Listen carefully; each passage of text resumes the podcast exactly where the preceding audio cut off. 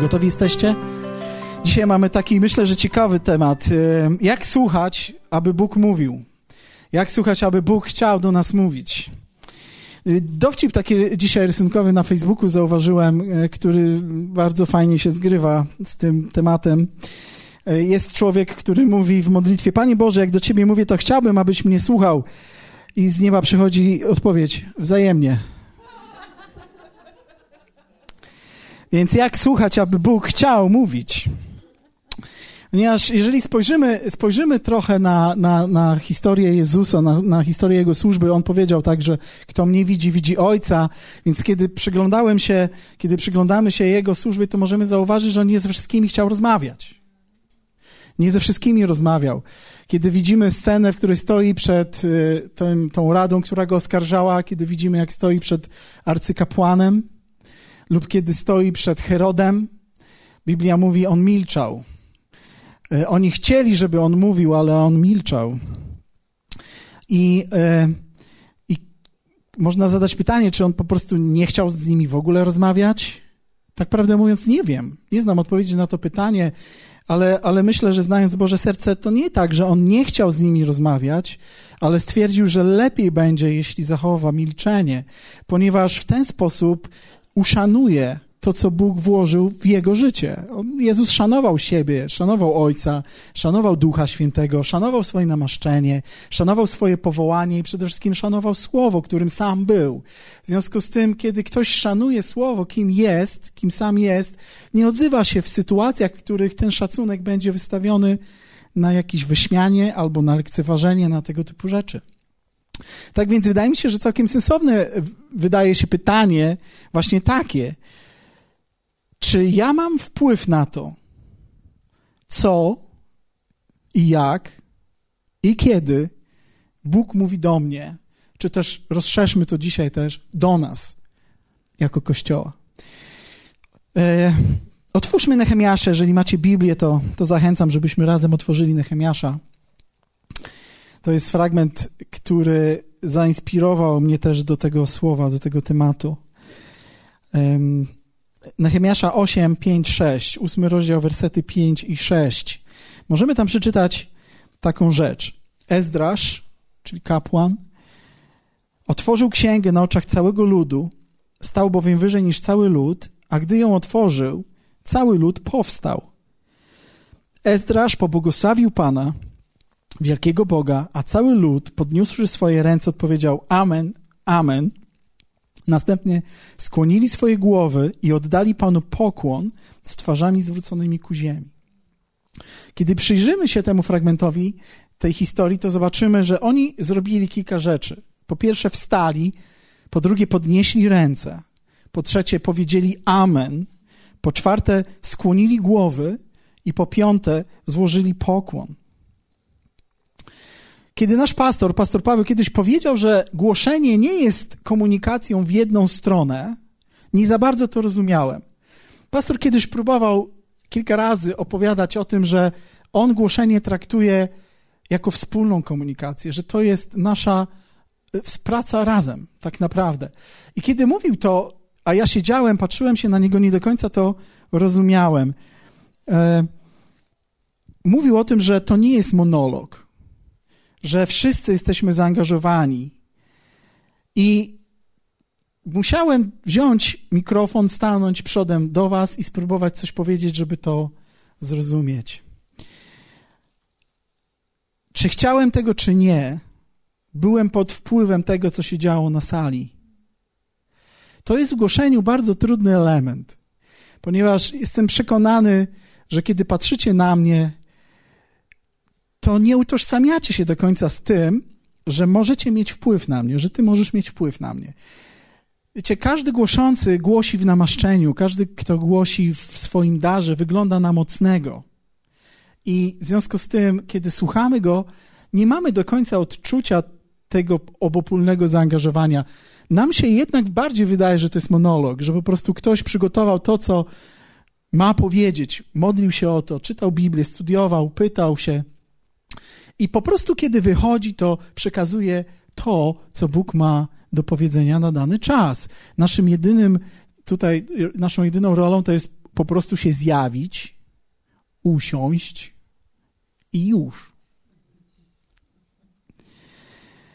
I jakie było moje zdziwienie, i tak jak mówię, nie podobało mi się to. Nie podobało mi się to, że kiedy stanąłem, okazało się, że to, co widzę przed sobą, ma na mnie wpływ. Myślałem, że to tylko moja słabość, że w związku z tym, że jestem niedoświadczony i niedojrzały, mam po prostu z tym problem.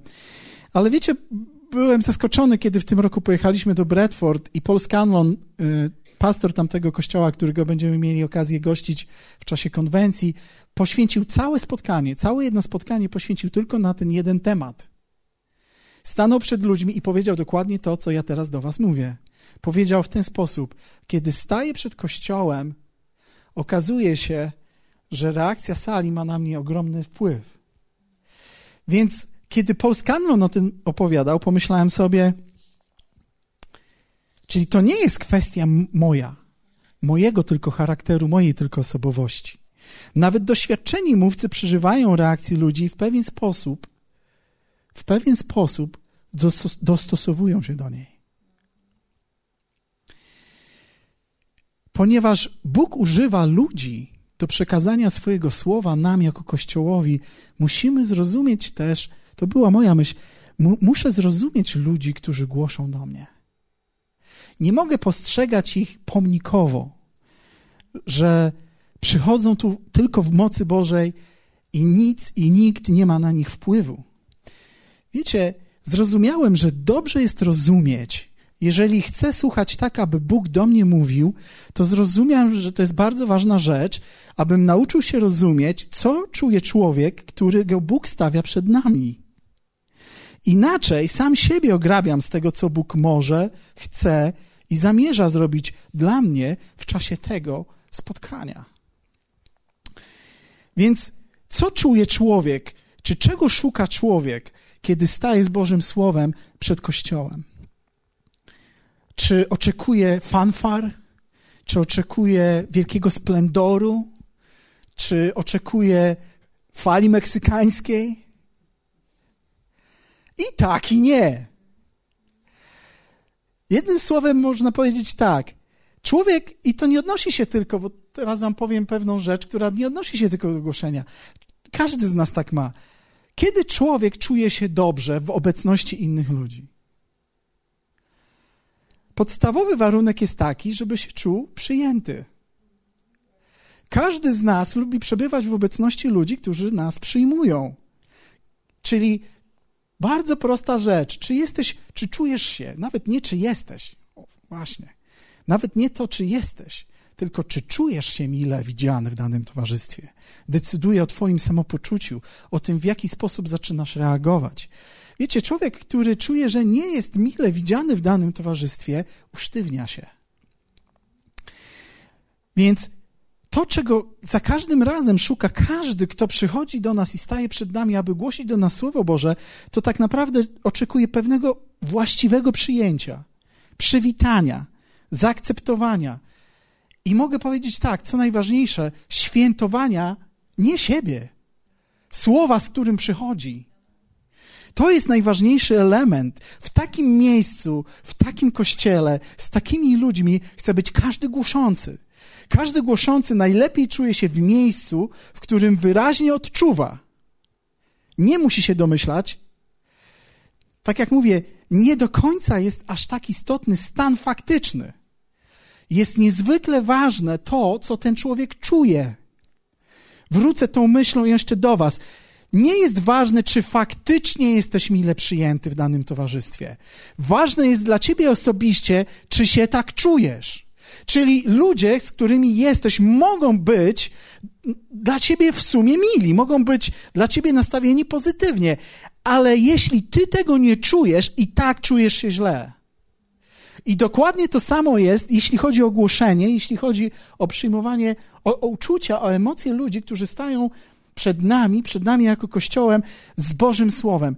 Oni nie tylko potrzebują wiedzieć, oni potrzebują czuć. To było coś, z czym ja się właśnie zderzyłem, z czym trochę walczyłem. tak mi się wydawało, że to jest nie, niedojrzałe z mojej strony, że oczekuję od ludzi czegoś takiego, żebym ja się poczuł dobrze. Ale kiedy spojrzałem do Biblii i zacząłem zwracać uwagę, jak Jezus reagował, dostrzegłem, że to nie jest do końca moja słabość. Tylko ja się zderzam z bardzo prawdziwą i realną Bożą zasadą w życiu. Że człowiek czuje się dobrze wtedy, kiedy odczuwa, że jest mile widziany, kiedy, a i w przypadku głoszącego, kiedy czuje, że słowo, z którym przychodzi, jest świętowane. Wiecie, dokładnie tak samo było z Jezusem. Zanim przejdę jeszcze do Jezusa, powiem wam właśnie to, co opowiadał Ponskalon, bo to było świetne. Była bardzo fajna sytuacja, o której opowiadał, w której on zdał sobie z tego sprawę. Kiedy y, już dość, dość dawno, kilkanaście lat temu, ci z was, którzy czytali książkę Przeprawa, będą wiedzieć, o czym mówię. Kiedy kilkanaście lat temu oni doszli do wniosku, że budują kościół i znaleźli się w miejscu takiego plateau, takiego zastoju i zastanawiali się, co z tym zrobić, zaczęli wprowadzać zmiany w kościele. I jedną ze zmian, o których pastor Scanon tak sobie pomyślał, że byłoby świetnie, to właśnie stwierdził, że byłoby super, gdyby miał możliwość e, doświadczenia innej reakcji Kościoła na to, co głosi. Wiecie, kiedy oglądamy e, telewizję chrześcijańską, Możemy tam zobaczyć wiele różnych rzeczy ciekawych, zobaczyć po prostu, jak to funkcjonuje w innych kulturach. Wiecie, brytyjska kultura jest bardzo podobna do naszej pod tym względem. Czyli jest bardzo wyciszona, bardzo spokojna, bardzo dostojna. I pastor właśnie Scanlon, Paul Scanlon opowiadał o tym, że miał taką swoją rozmowę z Bogiem, w którym powiedział, no wszystko super, ale nie czuję te, właśnie tego świętowania. Wiem, że ci ludzie, oni chcą mnie słuchać, bo przecież przychodzą na spotkania, ale mimo wszystko brakuje mi tego elementu świętowania. I ponieważ nie wiedział do końca, jak ten temat ruszyć, postanowił go nie ruszać. W niedługi czas potem, to było kwestia dwóch, trzech, czterech tygodni później, kiedy stanął w niedzielę i zaczął głosić do kościoła, w pewnym momencie jak sam mówi, gdzieś w tamtym rejonie, oni mają, mieli wtedy już trochę więcej ludzi niż my dzisiaj i sala była troszkę większa, więc mówi, gdzieś w tamtym rejonie nagle rozległ się oklaski rozległy. Takie wiecie, pojedyncze oklaski. Wszyscy się tak trochę zaniepokoili zaczęli patrzeć, a, a co to się stało? Czy to przypadkiem nie jest y, element jakiegoś wyśmiewania? Czy ktoś się nie próbuje nabijać? Czy ktoś się próbuje jakby... O co chodzi? Y, pastor Paul też mówi, że nie bardzo wiedział, jak na to zareagować w pewnym momencie, więc zignorował to, szedł dalej ze swoim słowem. Parę minut później, kiedy znowu doszedł do jakiegoś fajnego punktu, podkreślił jakąś prawdę Bożego Słowa, dokładnie w tym samym momencie, z tego samego rejonu. I wtedy pastor Paul, jak mówi, zatrzymałem się i zacząłem przypomniałem sobie, zatrzymałem się i przypomniałem sobie moją rozmowę z Bogiem. I mówię sobie, o, coś się dzieje. Być może coś się dzieje Bożego, czego za pierwszym razem nie dostrzegłem. Więc zaryzykował, bo jak sam mówi, to było dla niego potężne ryzyko. Oni nigdy takich rzeczy wcześniej nie robili. Spytał się, super, a co to za nowa służba w kościele? Kto to jest, nie? I okazało się, rzeczywiście wstał ten człowiek, który klaskał. No pierwsza rzecz, którą wszyscy zobaczyli, to jest to, że nie jest biały. Co od razu wiele wyjaśniło. Okazało się, że jest to Afrykańczyk, który przyjechał do Anglii na studia. I tego dnia pierwszy raz przyszedł do tego kościoła. I ponieważ wywodzi się z afrykańskiej kultury, to on nie miał pojęcia, że w kościele się nie klaszcze. On po prostu o tym nie wiedział. Więc kiedy on wstał, pokazał, kim jest, przedstawił się, zobaczyli, że to nie, jest, to nie jest ktoś, kto po prostu próbuje coś złego zrobić, tylko autentycznie on w ten sposób wyraża swoją ekscytację słowem i tym, co się dzieje w czasie spotkania. Pastor Paul wpadł na genialny pomysł i mówi tak: Słuchajcie, od tej pory pomożemy temu człowiekowi. Jeżeli w czasie tego spotkania ktoś zacznie klaskać, to ja się zatrzymuję i nie będę mówił dalej, aż cały kościół będzie klaskał. Wiecie, Reakcja była dokładnie taka jak wasza, takie nerwowe. Nikt do końca nie był pewien.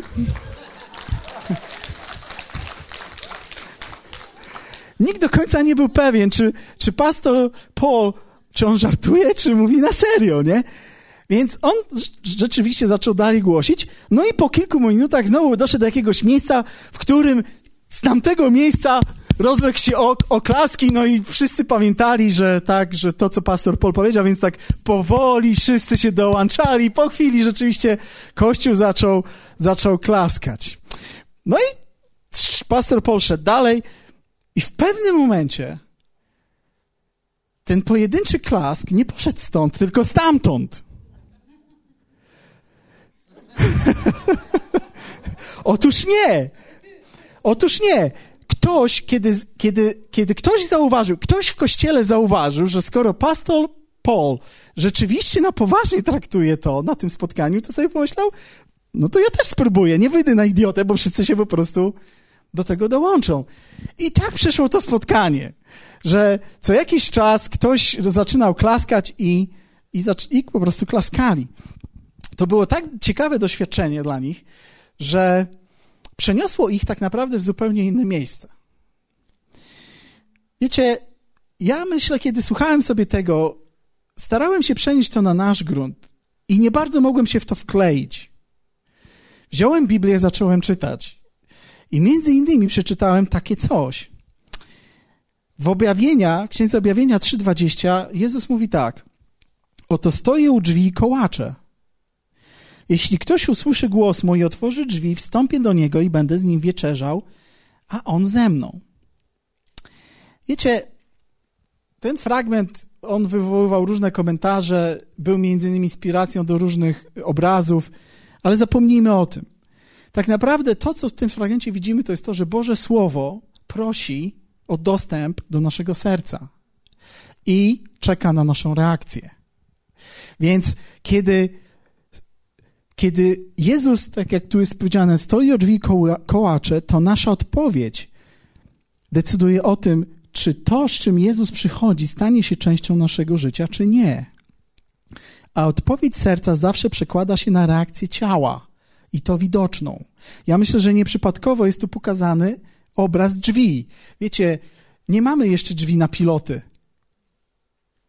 Znaczy, no są ale mówię tak na co dzień, tak? W większości dla nas, tak jak wtedy, żeby otworzyć drzwi, trzeba się ruszyć. Trzeba wstać, trzeba ruszyć ręką, trzeba coś zrobić. Dopiero wtedy otwierane są drzwi. Więc widzimy wyraźnie, że odpowiedź na zaproszenie Jezusa wymaga pewnej reakcji. To nie wszystko dzieje się tylko mentalnie. Słowo przychodzi i stuka, potem patrzy oczyma człowieka. Słuchajcie, Jezus do nas nie przychodzi przecież jak dzisiaj jako sam, tylko przychodzi w postaci ludzi, których nam posyła ze swoim słowem. Więc kiedy Jezus przychodzi i stuka, on patrzy na nas ludzkimi oczami. Przychodzi człowiek i przychodzi do nas ze słowem i patrzy na nas ludzkimi oczami i patrzy na nas i szuka reakcji. Szuka, gdzie te drzwi są otwarte. Tego dokładnie szuka ten, który głosi. On patrzy na nas i czeka na fizyczną reakcję, ponieważ to jest jedyny sposób, w jaki on może poznać, że drzwi twojego serca są otwarte. Żaden z nas nie ma tak głębokiego rentgena, żebym ja patrząc na ciebie potrafił zgadnąć, kiedy ty masz minę Indianina, Indianina nie jestem w stanie zgadnąć, czy twoje drzwi są otwarte, czy podeszłaś, czy podszedłeś do swoich drzwi, drzwi swojego serca i ruszyłaś, czy ruszyłeś klamkę i otworzyłeś drzwi do tego, z czym Jezus dzisiaj przychodzi.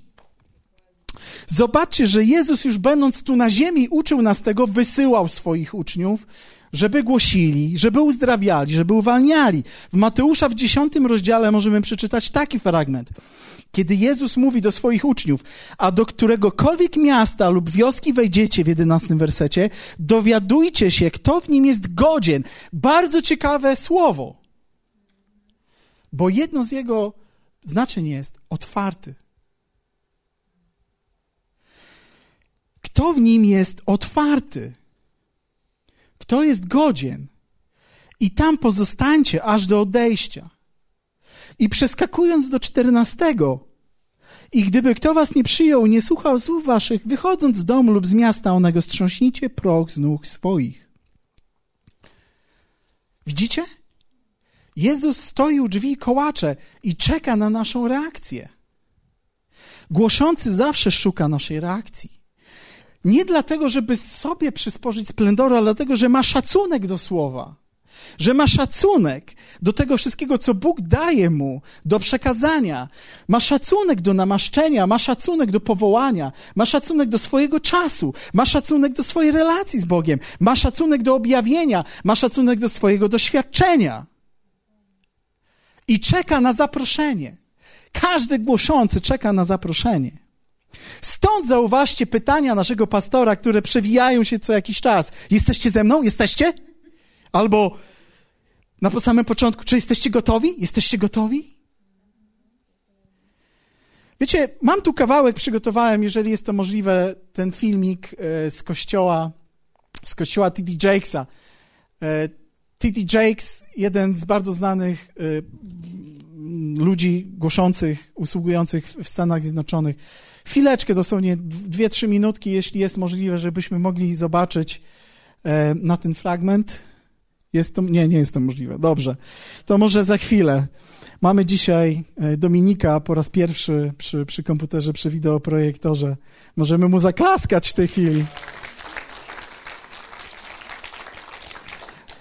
Być może zaraz przyjdzie pomoc i będziemy mogli coś z tym zrobić.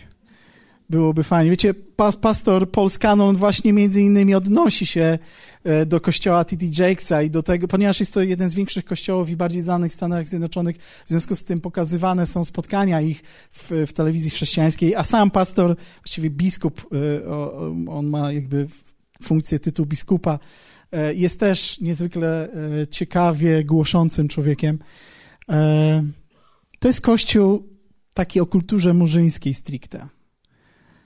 Jak będziesz, Łukasz, gotowy, to weź mi pomachaj, bo na razie mówię tylko po to, żebyś miał czas.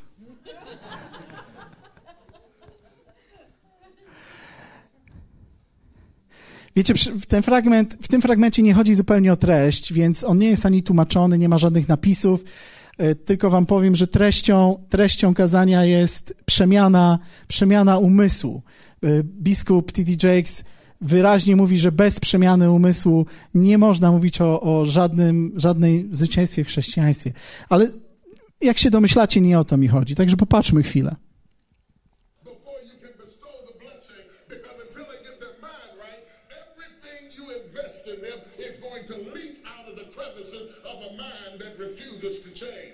Look at your neighbor and ask him, do you have a mind to change? Wait for an answer. While somebody's in the hospital begging God for the opportunity that you have right now, you better step into this moment.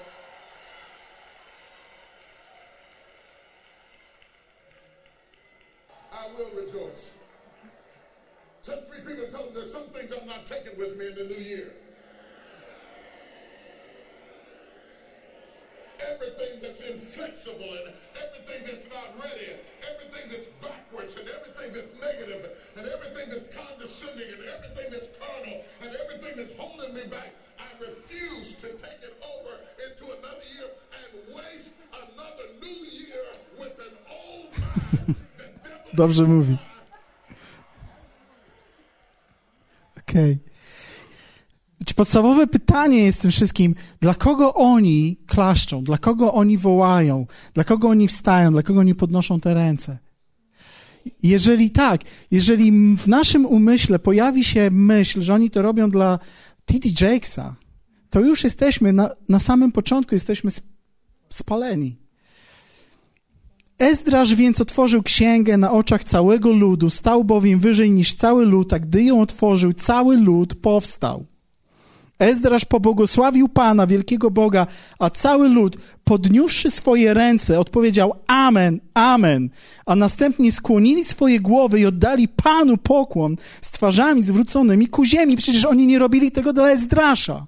Ezdrasz stanął, otworzył księgę, błogosławił Pana, a lud wstał, krzyknął Amen, Amen. Potem podnieśli ręce, skłonili głowy i skłonili się w uwielbieniu przed swoim wielkim Bogiem.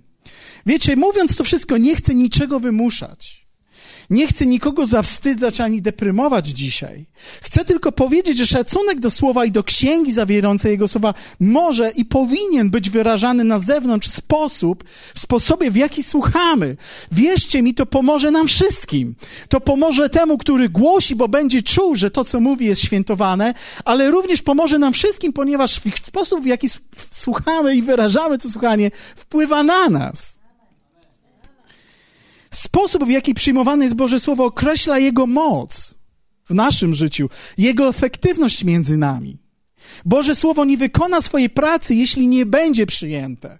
I widzimy to chociażby w sytuacji, w której Jezus chodzi do Nazaretu i nic nie może zrobić. Widzimy to również w sytuacji, kiedy było uzdrowienie córki Jaira, w których, w której to sytuacji Jezus musiał wyprosić wszystkich, ponieważ nie był przyjęty tam. Tam nie było przyjęte Słowo, nie było właściwej atmosfery do tego, żeby mo oni mogli zostać. On ich musiał usunąć, musiał ich wyprosić do tego, żeby mógł zrobić to, co Bóg zamierzył zamierzał tam zrobić. Widzimy to też właśnie w tych sytuacjach, który, o których wspominałem przed arcykapłanem czy Herodem, w których oni chcieli usłyszeć, ale Jezus milczał, ponieważ miał szacunek do tego, z czym przyszedł na ziemię.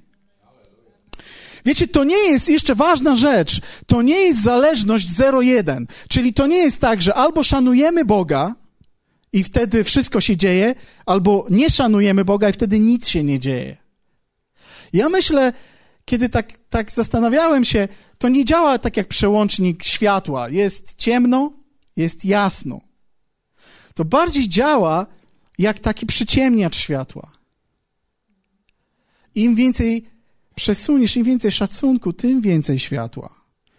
Bóg da nam tyle światła, Bóg da ci tyle światła, ile ty w swoim sercu tego, prze, przesuw, tego takiego suwaka przesuniesz w sobie. To nie jest tak, że ty, tylko taka reakcja, tylko takie coś uruchamia Boże działanie. My o tym wiemy. Bo przecież my się tak nie zachowujemy, a między nami Boże Słowo i Bóg działa też w potężny sposób. Ale myślę, że w każdej kulturze ten suwak istnieje i on jest potrzebny. Więc żeby sobie odpowiedzieć na pytanie, jak mogę ja lepiej przyjmować, lepiej słuchać słowa, jak mogę uczestniczyć w tym komunikacie, w tej komunikacji obopólnej, jakim jest głoszenie, zacząłem się zastanawiać, co mi może przeszkadzać w tym, o czym mówię teraz. Pierwsza rzecz, którą dostrzegam u siebie, to jest nieświadomość. Ja do pewnego momentu po prostu byłem nieświadomy. I powiem szczerze, najchętniej, gdyby to było technicznie czasowo możliwe, poprosiłbym każdego z Was pojedynczo, i kazał się prze, przedstawić i powiedzieć kilka słów o sobie. Do tej grupy ludzi, która teraz jest. Można nie wiedzieć o tym, że, że taka rzecz ma miejsce. Wiecie, każdy, kto stoi i mówi, widzi to, co widzi, i to, co widzi, wpływa na to, co mówi. Zwłaszcza kiedy widzi twarze ludzkie. Tak jak powiedziałem, głoszenie to komunikacja i w każdej komunikacji reakcja ma ogromne znaczenie na to, co powiem za chwilę. Wiecie, romantyczna rozmowa może się zakończyć katastrofą, jeśli nie ma tej obopólnej komunikacji. Nie ma tego przepływu. Warto to sobie uświadomić. Więc po druga rzecz, którą, którą w sobie na przykład dostrzegłem, to był tak, takie coś, że ja sobie mówiłem, ja nie będę nic robić na pokaz. Brałem na przykład taki fragment, a gdy się modlicie, nie bądźcie jako budnicy, gdyż oni lubią modlić się stojąc w synagogach i na rogach ulic, aby pokazać się ludziom.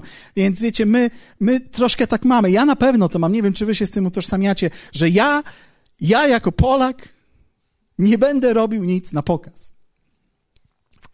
Wiecie, nikt, nikt nie chce być hipokrytą. Ja też nie chciałem być hipokrytą. Ale teraz mam takie pytanie. Co z wychowaniem dzieci? Wychowanie dzieci polega na tym, że my uczymy, jak mają się zachować przy innych ludziach. Czy to jest hipokryzja? No jeżeli powiemy, że tak, no to, to, to, moje, to stajemy na głowie. Moje dziecko może przyjść i powiedzieć, ja nie będę, ja będę sobą. Ja będę sobą, ja będę się samorealizował. Ja będę się zachowywał tak, jak mi moje serduszko podpowiada. Jak mam ochotę na to, to będę robił, jak nie będę miał ochoty, to nie będę.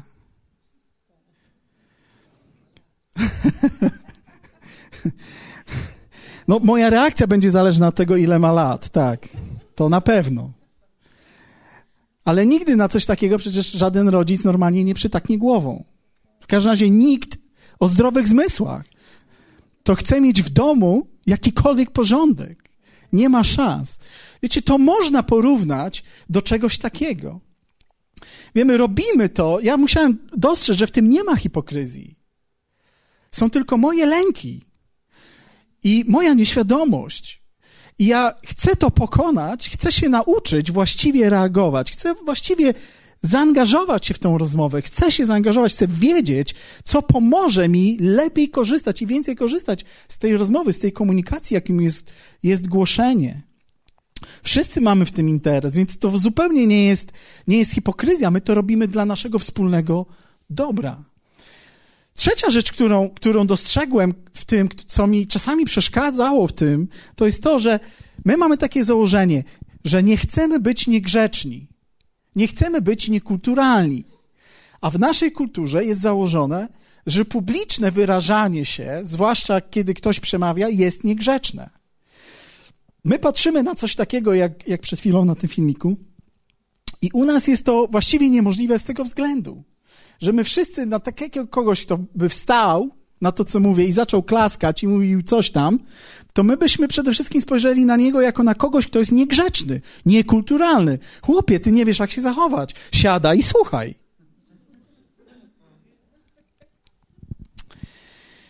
Wiecie, i prawda jest taka, że kultura danego miejsca ma ogromny wpływ na budowanie kościoła i nie chodzi o to, by całą kulturę teraz podważyć i wyrzucić. Ale warto się przyjrzeć kulturze i tym elementom i określić, które elementy tej kultury nam pomagają, a które nie. Więc nie chodzi o to, żeby robić tu miejsce na coś takiego, bo być może coś takiego nie ma miejsca w naszej kulturze, ale trzeba pamiętać, że to jest nasz dom i chcemy jakąś kulturę tu tworzyć wspólnie, która nie będzie aż tak sztywna, jak być może z zewnątrz, jakby nam się coś na nas narzuca, nachodzi. Chcemy umieć okazać zaangażowanie we właściwy sposób. I wiecie, tu taką świetną analogią jest rodzinny obiad. Bo ktoś może powiedzieć, wyrażanie siebie publiczne, kiedy ktoś przemawia, przemawia jest niegrzeczne. No dobrze, ale my tu nie jesteśmy ani na pogrzebie, nie jesteśmy na jakimś super oficjalnym jakimś czymś, bankiecie, to jest obiad rodzinny. Kiedy moja żona w domu podaje nam obiad, to ona nie oczekuje, że my będziemy jak Indianie siedzieć, zjemy i na końcu powiemy dziękujemy. Wyobraźcie sobie taką rodzinę. Zasiada do rodzinnego obiadu, żona przynosi talerze z obiadem, a wszyscy siedzą, grzecznie jedzą, nie mlaskają.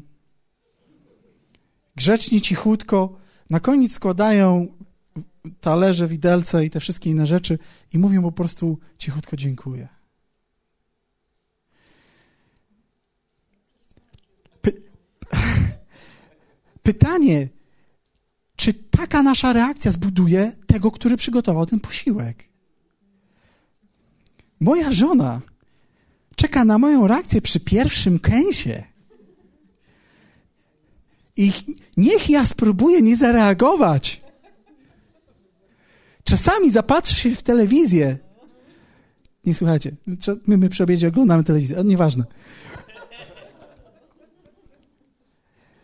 Wiem, że to już jest straszne dla niektórych, ale, ale akurat, akurat u nas tak jest. Więc, więc biada mi, kiedy zapatrzę się w telewizor i nie od razu wyrażę, jakie pyszne. I teraz dokładnie tak jest z przyjęciem też słowa u nas. Wiecie, mnie ani nikogo, kto głosi, nie zbuduje to, że będziecie cichutko siedzieć, patrzeć się, grzecznie konsumować, konsumować. Na końcu złożycie talerze, sztućce i po cichutku powiecie dziękuję i, i, i wyjdziecie. Być może dla was to był genialny obiad i sobie od razu planujecie, następnym razem tu przychodzę. Dla mnie, ja zostaję tu z takim uczuciem, o kurczaki, to była porażka. albo się wyprowadzam, albo zmieniam menu. Nie wiem o co chodzi. Wytłumaczcie mi, proszę, powiedzcie mi, że było warto, że było warto. Myślę, że, że, że, że dobrze jest, kiedy my to poczucie dobrego wychowania i pewnej kultury, wiecie, tak troszeczkę rozepchamy i wyjdziemy z miejsca bardzo oficjalnego bankietu do miejsca domowego obiadu, w którym jest bardzo fajnie, kiedy na samym początku, kiedy poczujesz kęs, który ci smakuje, wyrazisz to w jakiś sposób. Trzecia rzecz, która, która gdzieś mi przeszkadzała do tego, żeby w ten, mon, w ten, ten monolog zmienić w dialog, to było to, że bałem się, że to jest taki, taka manipulacja jakaś tłumem. A nikt nie chce być częścią zmanipulowanego tłumu. No i z tym każdy z nas musi się po, jakby po, uporać się sam, ponieważ tego typu lęk zakorzeniony jest braku zaufania do tego, który mówi. Jeżeli nie mamy zaufania do tego, który mówi, no to rzeczywiście ten lęk jest uzasadniony. I ja nie chcę powiedzieć, że trzeba go zniszczyć, zdeptać od, razu. Nie, wiecie, brak zaufania w naszym kraju jest według mnie uzasadniony. Kiedy patrzymy na naszą historię, na to, co się działo wcześniej, na to, co myśmy przeszli, przez co przechodzimy, tak naprawdę. Wiecie, to, to ja rozumiem, ja sam to przeżywałem i rozumiem każdego, kto przychodzi tutaj i nie ma, nie ma zaufania. Do tego potrzebny jest czas. Trzeba sprawdzić. Na pewno. Ale przychodzi w pewnym momencie czas, w którym trzeba zadać sobie twarde pytanie: ufam czy nie? To tak jak pastor ostatnio mówił o, o małżeństwie, że dzisiaj modne jest to, żeby chodzić ze sobą 12 lat bez ślubu, potem się pobierają, po 8 miesiącach się rozwodzą. Wiecie, w pewnym momencie trzeba sobie twardo powiedzieć: ufam czy nie? I podjąć decyzję. Inaczej nigdy z Bogiem daleko nie zajdziemy. Jeżeli będziesz się cały czas zastanawiał, do tego nie, nie przejdziemy tego. Kolejna rzecz, którą ja u siebie jakby dostrzegam, to jest zwykły wstyd. Krępuje się swoich reakcji przed innymi ludźmi. Wiecie, to jest genialne. My, my, my, my jako. E, no, moja żona strasznie nie lubi, jak ja się odnoszę, do, jak przybieram taki tom, my Polacy, albo my naród, albo my coś tam. Ale no, prawda jest taka, że, że jako, jako kultura, jako społeczeństwo mamy pewne przyzwyczajenia i mamy pewne zachowania. I e, było dla mnie szokiczne, jak zaczęliśmy znowu, nasze dzieci poszły do szkoły i znowu zacząłem chodzić na, do szkoły na wywiadówki. Było dla mnie szokiczne. Wiecie, to, że dzieciaki. Co? Co? Nie znacie tego słowa? O, wymyśliłem swoje słowo. Nie, ja mówię szokiczne. Dla mnie było szokiczne, kiedy zobaczyłem, że nie tylko dzieciaki siadają od tyłu. Wiecie, nie? To widać w klasie. Jak w klasę wprowadzasz do jakiegoś pomieszczenia, od razu tylne rzędy są zajęte, do przodu nikt nie idzie. I byłem zszokowany, jak zobaczyłem dokładnie tą samą zasadę na wywiadówkach wśród dorosłych. Rodzice wchodzą i centralnie Pierwsze co, to wszyscy grzeją do ostatnich ławek, do ostatnich rzędów, żeby przypadkiem ktoś ich nie zajął. Nikt nie chce iść do przodu. My się tak lubimy schować. Wiecie, zacząłem się zastanawiać, a skąd się to bierze? I powiem szczerze, ja nie wiem, ale w naszych oczach wygląda tak, że ci, którzy idą do przodu, to są, nie wiem, jacyś pyszni, arogancy, y, mają jakąś ambicję, lub też są lizusami.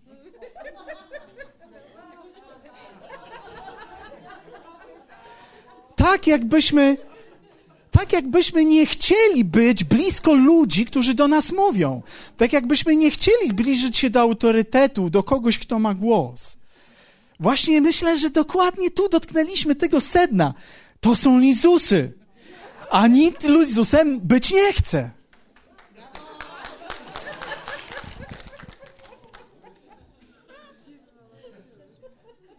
Wiecie, ciekawe to jest dla mnie ponieważ ja tu nie siedzę ze względu na pastora Pawła.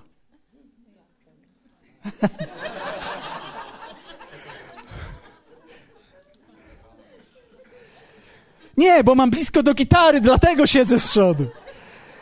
Nie, oczywiście żart. Kiedyś, kiedyś yy, Oleńka właśnie powiedziała mi, że zwróciła uwagę na sposób, w jaki ja słucham. I wiecie, to się przez te lata nie zmieniło. Ja do dzisiaj lubię być z przodu z kilku względów. Mam wrażenie, że lepiej do mnie dociera. Ktoś może powiedzieć, z tyłu jest lepiej. W życiu ja tam siedziałem. Nikt mi nie powie, że z tyłu jest lepiej. Nie ma szans. Po pierwsze, słychać inaczej. Po drugie, tam jest ciągle jakiś ruch, ciągle jest jakiś szum, ciągle się coś dzieje, ciągle coś cię może rozproszyć. Moja żona tam z tyłu siedziała przez kilka lat ze względu na dzieci. Ona czekała, modliła się, kiedy w końcu będę mogła znowu wrócić do przodu i się skupić całkowicie na tym, co się dzieje tutaj. Nikt mnie nie zaciągnie siłą do tyłu. I nie rozumiem, powiem wam dzisiaj, nie rozumiem tego elementu lizusostwa. Nie rozumiem tego. Znaczy, z jednej strony rozumiem, bo pamiętam swoje kiedyś tam, ale, ale nie rozumiem tego, że praktycznie za każdym razem, kiedy mamy spotkanie w jakikolwiek kościele, pierwsze co trzeba zrobić, trzeba zebrać ludzi. Wiecie, mi się wydaje, że normalnym odruchem to jest właśnie zebrać się. Jeżeli jest nas nawet niewielu na sali, to zbierzmy się, bo będzie nam lepiej. Nie. Pochowajmy się po kątach. Tak jakby to jakieś bohaterstwo było. Przecież to tchórzostwo jest, ludzie.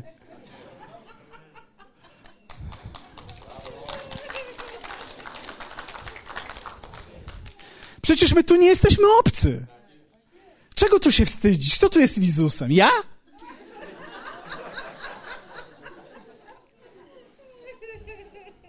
Żebyście słyszeli, jak my ostatnio z pastorem rozmawiamy.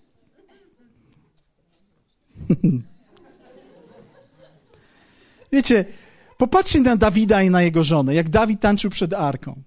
Wszyscy byli zachwyceni, tylko nie jego żona. Bo ona co czuła? Czuła zażenowanie, czuła wstyd. Ona mówi, co ty zrobiłeś? Straciłeś cały teraz szacunek w oczach ludzi. Kiedy było wręcz przeciwnie. Ona miała jakieś założenie, miała jakieś wyobrażenie, że powinniśmy się tak zachować. Ja myślę, że my musimy przełamać sobie ten lęk przed lizusostwem.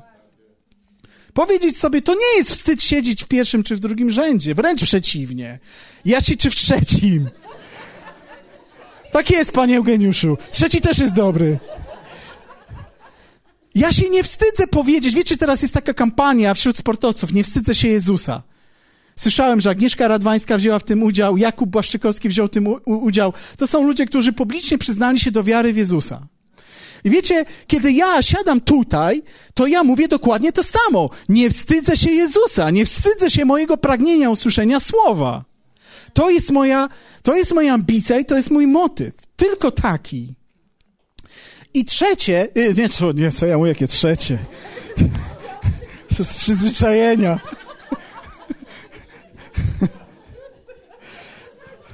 I ostatnia, bo tych rzeczy może być więcej, ale ta ostatnia, którą w sobie ja dostrzegłem, to jest to, że nie chcemy też krępować innych. Czyli nie tylko, że ja się skrępuję przed, przed, że ja się krępuję, ale boję się, że moja reakcja może wywołać zażenowanie czy krępowanie innych. A tego się właśnie spodziewamy w naszej kulturze, to, że jeżeli, jeżeli ja się zachowam w jakiś tam sposób, to, to wywoła to poczucie zażenowania. I wiecie, to z kolei nie jest wcale złe. Kiedy przyjrzałem się temu, pomyślałem, że to wcale nie jest złe.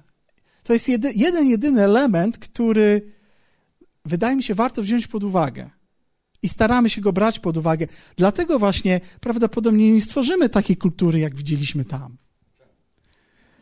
No kto wie, ja nie wiem. Nie wiem, ale wiesz, troszkę się odnoszę do tego, co Polskanon opowiadał, tak? Oni mają już kościół taki pod, nie wiem, 1500 ludzi, ale wiecie, w dalszym ciągu są Brytyjczykami. I tak, klaszczą, w, w, ich, ich reakcje dzisiaj są zupełnie inne, ale no, wiecie, no nie, nie jakby to powiedzieć, no nie jesteśmy murzynami. Mam nadzieję, że nie zabrzmiało to źle. Ja nie mam nic złego na myśli. Oni są po prostu inni. Ja nigdy nie zarapuję. Nie, nawet jak mi puścicie beat, ja po prostu nie zarapuję. Nie ma tego we mnie. Nie, wiecie, pr czasami próbujemy coś. Wierzcie mi, ja nie zarapuję. Nie ma takiej możliwości. Nie ma tego po prostu w moich genach. I teraz, słuchajcie, szybko kilka rzeczy, pod tytułem Jak możemy właściwie okazywać emocje i zaangażowanie w czasie spotkania. Powiedziałem to, co mi przeszkadzało w wyrażaniu się. Tak? Czyli powiedziałem, że nieświadomość, to, że nie chcemy robić nic na pokaz, nie chcemy być niegrzeczni, że mamy pewien lęk przed tym, że ktoś nas manipuluje, nie, że krępujemy się i wstydzimy się tego, żeby być tutaj z przodu i nie chcemy krępować innych. Ja musiałem gdzieś dostrzec te elementy i w sobie pokonać, ale pozostaje to pytanie, jak, jak, jak w naszej kulturze możemy okazywać te emocje i zaangażowanie w czasie spotkania? Czyli co ja mogę zrobić, by włączyć się w, głoszy, w głoszenie i pozytywnie wpłynąć? I teraz wiecie, całą godzinę mógłbym spędzić jeszcze na tym, bo na, to są świetne rzeczy, wszystkie je widać w Biblii, ale wymienię je tylko tak w miarę szybko. Po pierwsze, kontakt wzrokowy. Wiecie, Bóg zagląda nam w oczy. Jeżeli spojrzycie na przypowieści, to, to zobaczymy tam taki ciekawy fragment. Tych sześć rzeczy nienawidzi Pan, a tych siedem dla Niego jest obrzydliwością. I teraz pierwsza rzecz, którą mówi. Butne oczy. Ciekawe. Bóg zagląda nam w oczy taka podpowiedź, jako rodzic, zaglądać swojemu dziecku w oczy. Patrz, co tam jest. Po drugie, y, znaczy nie drugie, tylko drugi fragment, pozytywny tym razem, to jest taki, że w dziejach apostolskich możemy przeczytać historię o tym, jak apostoł Paweł głosił w listrze i był tam człowiek chory na bezwład nóg, chromy od urodzenia. I ten człowiek słuchał przemawiającego Pawła. I Paweł, utkwiwszy w nim wzrok i spostrzegłszy, że ma dość wiary, aby być uzdrowiony, odezwał się. I ten człowiek doświadczył swojego uzdrowienia. Więc po pierwsze, kontakt wzrokowy. Bóg patrzy nam w oczy. Ja jako głoszący patrzę wam w oczy. Każdy, kto tu stoi, patrzy wam w oczy. I wierzcie mi, każdy z nas szuka otwartych oczu. Szuka oczu myślących. Szuka oczu właśnie takich, w których te drzwi są otwarte. Po drugie, uśmiech.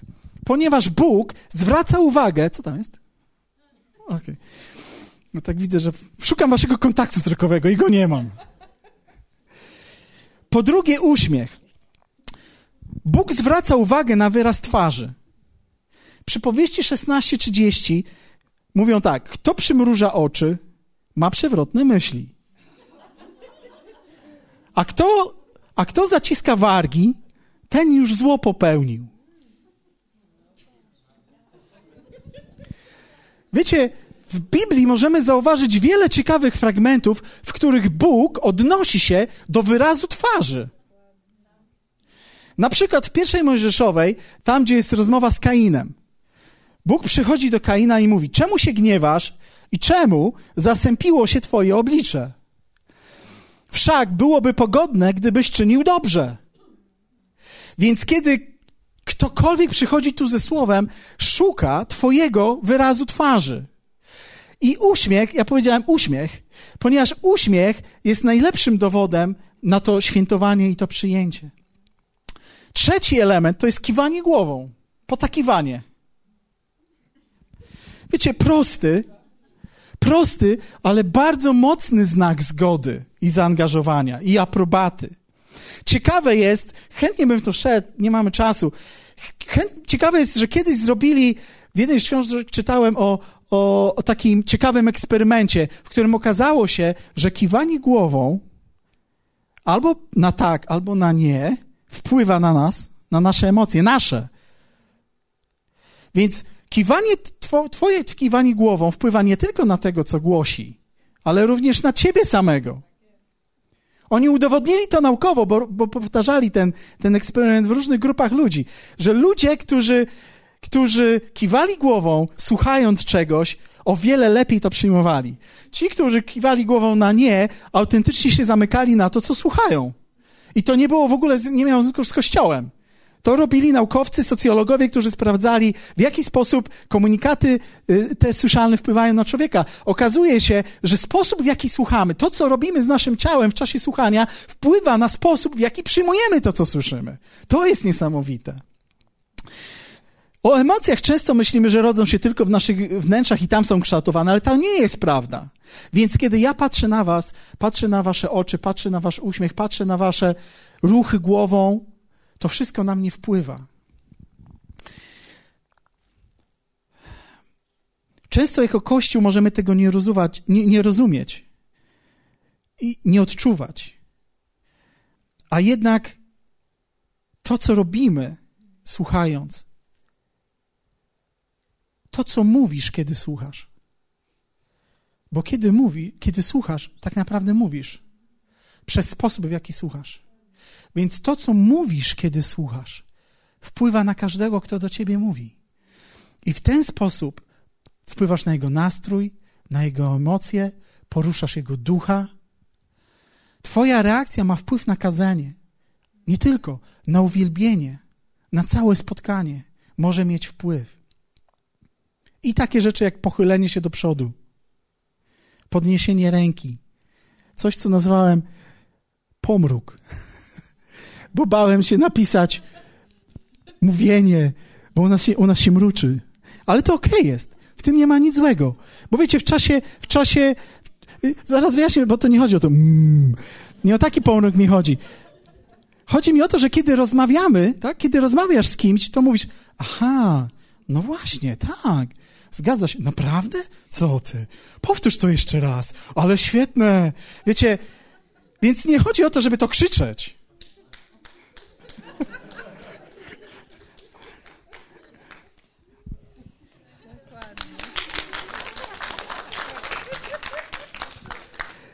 Więc nie chodzi o to, żeby, żeby krzyczeć, ale wiecie, takie powiedzenie do siebie, taki właśnie pomruk. Aha, o, ale fajne. Naprawdę? Super. Wiecie, to pomaga niesamowicie, bo to nadaje temu żywy, żywy taki jakiś przepływ. Kiedy, kiedy nie tylko patrzysz, uśmiechasz się, kiwasz głową, ale od czasu do czasu włączysz się w to, tak jak się włączamy w normalnej rozmowie, niesamowicie to pomaga przebijać pewne, pewne sztuczności, pewne sztywności. Wchodzimy w zupełnie inny moment, moment komunikacji. I ostatnia rzecz, o której chciałem powiedzieć, to jest robienie notatek. Ja wiem, że ja wiem, że dla niektórych z Was to jest, to może być trudny temat ze względu na Wasze przyzwyczajenia, zwyczaje, bo, bo ja na przykład też generalnie przez wiele lat nie robiłem notatek, uważając, że coś stracę. Ja jestem taki, że jak y, piszę, to mnie rozprasza. Ale wiecie, wydarzyło się coś ciekawego, kiedy jednak pod wpływem rozmów, namów, namów przemów, zachęceń, zdecydowałem się kupić sobie notatnik i zacząłem go nosić ze sobą na spotkania.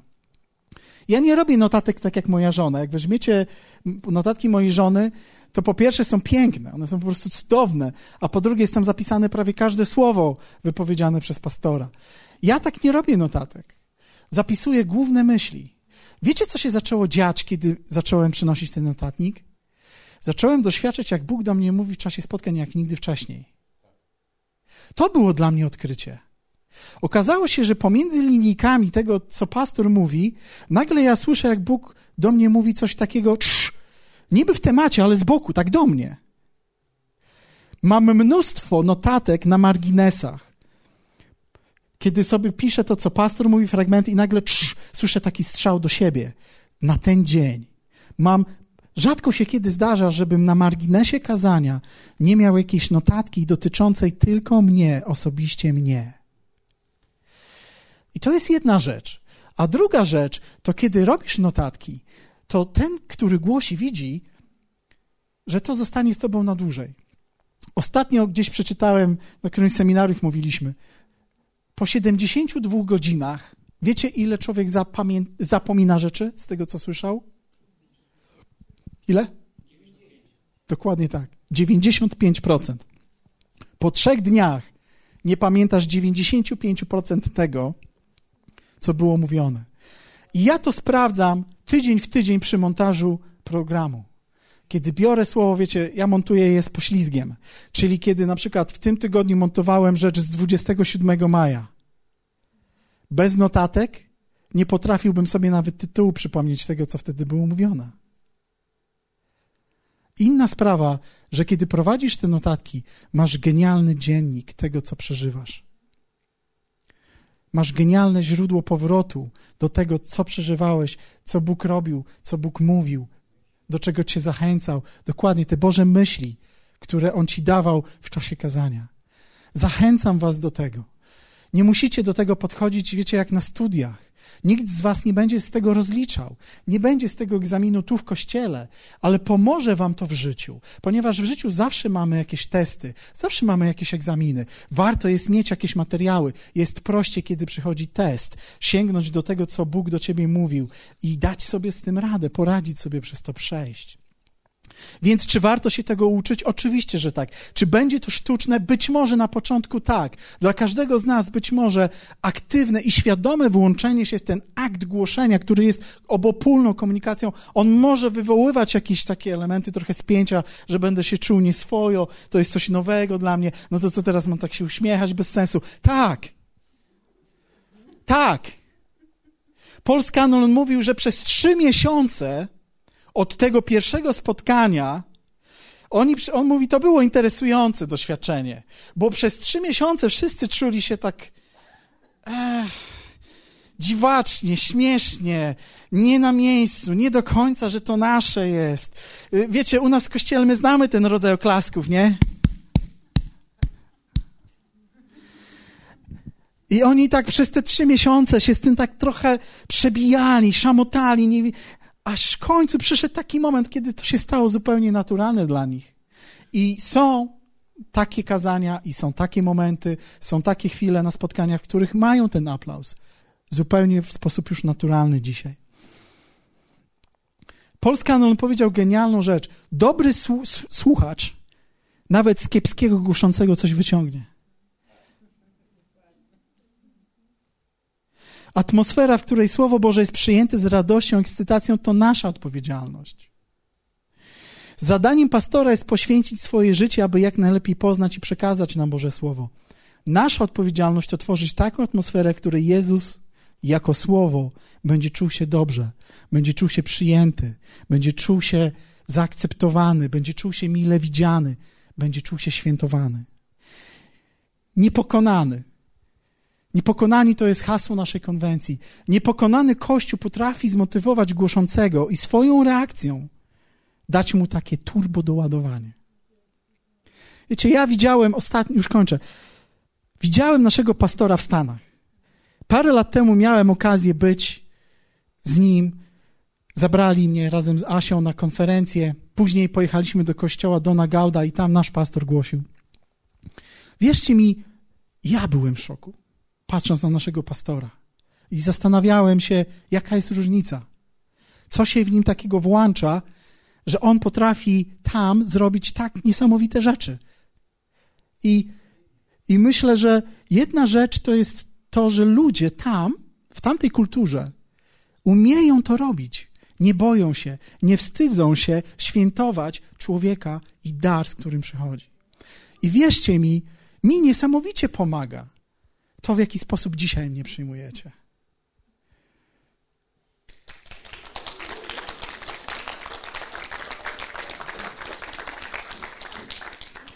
I na sam koniec chciałbym, żebyśmy wstali i, i wiecie, wyznali też Bogu, że, że nie chcemy być właśnie takimi słuchaczami, którzy utrudniają, ale chcemy być słuchaczami, którzy pomagają. Chcemy umieć przyjmować i świętować dar słowa, ok? Pomodlimy się w ten sposób, złożymy to. Halleluja. Halleluja, Ojcze. Dziękujemy Ci za Twojego Syna, za Twoje zbawienie, za Twoje odkupienie, za Twoje nowe życie w nas. Dziękuję Ci, że każdy dzień dzisiaj jest dla nas jakby nowym startem, nowym początkiem, że Ty dajesz nam świeżą łaskę, nową łaskę każdego dnia, że życie z Tobą jest tak niesamowicie cudowne, ekscytujące, potężne, czasami trudne. Halleluja! Nikt nie mówi, że to życie jest łatwe, ale ono jest potężne, cudowne, ekscytujące. Jest niesamowitą przygodą. Halleluja! Niesamowitą przygodą wiary, niesamowitą przygodą przemiany, przejścia z Tobą wszystkiego, zobaczenia tego, jak Ty jesteś cudowny, jaki Ty jesteś wielki w naszym życiu, w jaki cudowny sposób działasz przez nasze usta, przez nasze ręce, przez nasze oczy. Halleluja. Chcemy budować Kościół, Ojcze. Razem to dzisiaj wyznajemy. Chcemy budować Kościół, który przyjmuje Ciebie i Twoje słowo. Twój dar. Halleluja. Chcemy umieć angażować się w głoszenie. Chcemy umieć dać to turbo doładowanie do każdego, kto przychodzi do nas w Twoim imieniu. Halleluja. Chcemy, aby każdy, który tu przychodzi, aby głosić słowo, czuł się błogosławiony, czuł się przyjęty, czuł się tak jak Jezus, kiedy wchodził, wjeżdżał do Jerozolimy, kiedy ludzie krzyczeli Hosanna, Halleluja, kiedy kładli palmy przed Nim. Halleluja, kiedy kładli płaszcze przed Nim, mówiąc, to Ty jesteś królem. Halleluja, Ciebie chcemy słuchać, za Tobą chcemy iść. Halleluja, chcemy przyjmować i świętować Twój dar dla nas. Halleluja, chcemy być zgromadzeni wokół Ciebie. Chcemy wspierać każdego, kto przychodzi z głoszeniem, nauczaniem. Ucz nas, Ojcze, poddania i zaufania w tym. Nie chcemy być naiwni, ale nie chcemy też być cyniczni i negatywni. Pomóż nam przełamywać niewłaściwe nawyki i nauczyć się polegać Tobie i Twoich ludziach, których do nas przysyłasz, z którymi nas łączysz. Halleluja! Uwielbiamy Ciebie. Dajemy Ci chwałę dzisiaj. Jesteś naszym Panem, naszym Królem. Halleluja, jesteś naszym wszystkim.